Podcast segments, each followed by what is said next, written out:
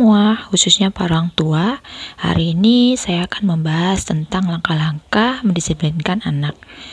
Tentunya sebagai orang tua kita pernah ya merasakan kesulitan dalam mendisiplinkan anak, apalagi saat pandemi seperti sekarang. Pandemi sudah hampir setahun ya tidak terasa, tentu banyak hal yang berubah dan perlu penyesuaian bagi anak kita. Sebelum pandemi mungkin anak sudah terbiasa ya bangun pagi, sekolah, makan, main hingga tidur di malam hari. Tapi kini mungkin pola atau rutinitas anak kita berubah, apalagi saat school from home seperti sekarang yang dilaksanakan oleh semua anak ya.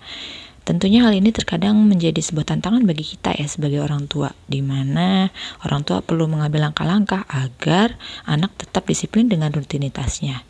Nah, kali ini saya mau berbagi tentang langkah-langkah yang bisa orang tua laksanakan di rumah dan langkah-langkah ini sangat mudah dipraktekkan sehingga bisa membuat anak kita tetap disiplin meskipun sedang pandemi. Langkah pertama yang bisa kita laksanakan saat di rumah yaitu membiasakan anak bangun pagi. Jadi, meskipun school from home, Tetaplah biasakan anak bangun pagi agar mereka bisa mempersiapkan dirinya untuk melaksanakan rutinitasnya dari pagi sampai tidur kembali. Namun saat pagi hari kita sebagai orang tua juga perlu mengusahakan untuk berdiskusi dengan anak dan menyepakati sebelum membangunkan mereka di pagi hari. Kadangkala ketika tidak ada kesepakatan, anak dibangunkan di pagi hari, moodnya langsung turun ya. Jadi ini juga mempengaruhi pembiasaan kita untuk membangunkan mereka di pagi hari. Jadi anak juga bisa menyepakati jam, mau dibangunkan jam berapa, kemudian mereka belajar untuk berkomitmen dengan kesepakatan yang dibuat bersama orang tua. Langkah kedua, kita perlu menjaga mood anak sejak bangun tidur. Jadi, ketika anak bangun pagi, buka mata di pagi hari, biasakan orang tua untuk menyapa mereka dan kalau bisa luangkan waktu setidaknya 5-10 menit untuk bercengkrama karena ketika mood mereka baik di pagi hari itu akan mempengaruhi ketika anak bersekolah atau beraktivitas selama seharian. Nah, langkah ketiga yaitu biasakan sarapan pagi bersama keluarga. School from home mungkin membuat peraturan sedikit longgar ya, karena kadangkala anak sekolah online itu sembari makan. Tapi perlu diingat bahwa kegiatan makan maupun belajar itu perlu dilaksanakan dengan fokus. Bayangkan aja deh, kalau misalnya anak-anak makan sambil belajar, mereka tidak terlalu bisa menikmati makanannya. Begitupun dengan informasi yang mau mereka serap ketika belajar. Jadi, laksanakan satu persatu kegiatan terlebih dahulu, lalu laksanakan kegiatan yang lainnya. Dan sebaiknya sarapan pagi ini dilaksanakan bersama keluarga di jam yang sama, karena ini akan membantu anak-anak untuk memahami sebuah jadwal harian. Kalau misalnya berbeda jam sarapannya karena misalnya ada orang tua yang bekerja atau berangkat lebih pagi, tetap aja dilaksanakan dengan jam yang sama sehingga anak-anak juga punya rutinitas sarapan pagi yang sama setiap harinya. Jadi mereka tidak bingung.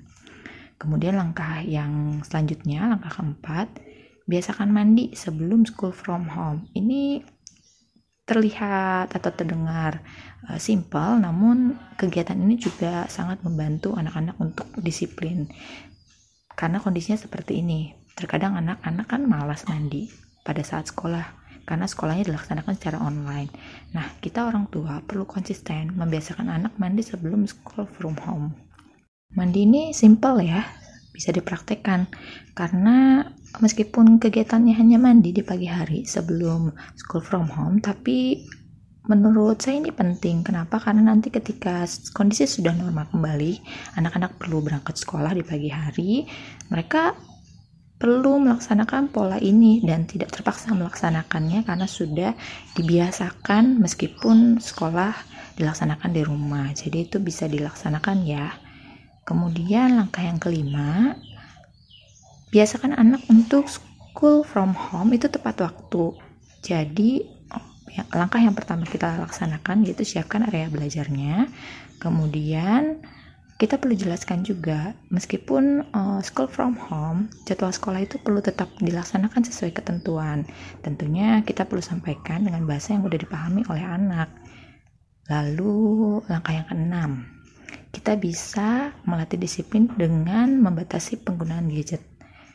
gak bisa dipungkiri ya selama school from home ini screen time anak itu lebih banyak dari sebelumnya oleh karena itu kita sebagai orang tua perlu memberikan batasan kita bisa membuat kesepakatan dengan anak. Misalnya, anak menggunakan gadget hanya saat sekolah, lalu boleh bermain lagi hanya di hari Sabtu atau Minggu. Memang kedengarannya ini sulit-sulit, mudah ya, tapi kita bisa coba. Kalau misalnya pada pelaksanaannya itu dirasa sulit, kita bisa kurangi perlahan. Misalnya, kita dengan mengalihkan perhatian anak ya. Kita bisa ajak mereka bermain ajak mereka berinteraksi ajak mereka berolahraga melaksanakan aktivitas yang menyenangkan. Jadi perhatian mereka ke gadget bisa berkurang. Dan kadangkala anak itu tidak terlalu butuh gadget ya. Sebetulnya yang mereka butuhkan adalah perhatian. Namun kadang orang tua juga tidak terlalu sadar bahwa kebutuhan yang utama itu adalah sebuah perhatian. Jadi, kalau perhatian dari orang tua udah didapat, biasanya anak lebih mudah melepaskan gadgetnya. Langkah yang ketujuh, waktunya makan ya makan. Nah, kita orang tua kadang suka ditawar-tawar ya sama anak ya. Kadang alasan mereka itu kalau diajak makan masih kenyang mah, masih seru main mah, atau Oh, mereka sengaja nunda dengan kata-kata sebentar, sebentar lagi dan lain sebagainya. Kita perlu hati-hati karena uh, sekali bisa ditawar lama-lama jam mereka jam makan mereka itu nanti akan mundur dan semakin tidak teratur. Jadi tidak apa-apa jika mereka makan dengan porsi yang sedikit pada saat uh, waktunya makan, tapi uh, ajak mereka duduk di meja makan lalu ajak mereka untuk melepaskan sebentar mainannya, gadgetnya, dan kita tetap perlu menjelaskan manfaat makanan agar mereka termotivasi untuk makan, bukan karena terpaksa. Langkah yang kedelapan, tidur siang jika memang diperlukan. Kita semua tahu ya bahwa otak anak itu berkembang saat tidur. Jadi, kalau anak kita masih punya kebiasaan seperti itu, kebiasaan tidur siang, hal tersebut bisa kita tahankan karena ketika anak punya kesulitan tidur siang, kita juga perlu mengambil cara agar anak-anak bisa beristirahat dengan sejenak. Kemudian, jika diperlukan, kita bisa uh, berbaring di tempat tidur bersama, meregangkan otot-otot uh, yang kaku setelah bermain, dan bisa dilaksanakan ketika waktu istirahat di siang hari kita orang tua bisa memberikan sentuhan yang nyaman bagi anak-anak kita, misalnya memijit bagian tangannya, bagian pundaknya, bagian kakinya, sehingga mereka merasa rileks pada saat waktunya istirahat. Kemudian langkah yang kesembilan adalah pada saat waktu bebas. Nah, di rumah tentunya kita punya waktu bebas untuk anak-anak kita bermain sebelumnya biasakan anak untuk menyampaikan mereka mau main apa. Karena itu menentukan jenis mainan yang mereka butuhkan. Kita perlu membiasakan itu agar anak-anak tidak mengambil jenis mainan yang banyak dan dikeluarkan semuanya sehingga pada saat perlu merapikan itu anak agak kesulitan. Jadi penanaman disiplin juga bisa dikenalkan dengan pembiasaan untuk memilih mainan yang mereka butuhkan, kemudian merapikannya kembali. Nah, berhubungan dengan mainan, langkah 10 adalah membiasakan untuk anak untuk membersihkan kembali semua peralatan kegiatan yang dia gunakan, baik itu kegiatan yang berupa mainan, alat makan, dan lain sebagainya. Jika dilaksanakan dengan konsisten, kita bisa lebih mudah menerapkan hal-hal lainnya kepada anak kita. Langkah selanjutnya, langkah ke-11 yaitu membiasakan anak untuk tidak tidur terlalu malam. Jadi masalah tidur ini hampir sama dengan masalah makan yang tadi sudah dibahas. Kadang anak masih menawar ya, mereka masih asik bermain, kadang-kadang hingga tidak terasa sampai larut malam. Jika kondisi seperti ini berulang, maka akan mempengaruhi kegiatan anak lainnya. Waktu tidurnya akan mundur, begitupun dengan kegiatan lainnya. Jadi, kita sebagai orang tua bisa membiasakan diri untuk mengantarkan anak tidur.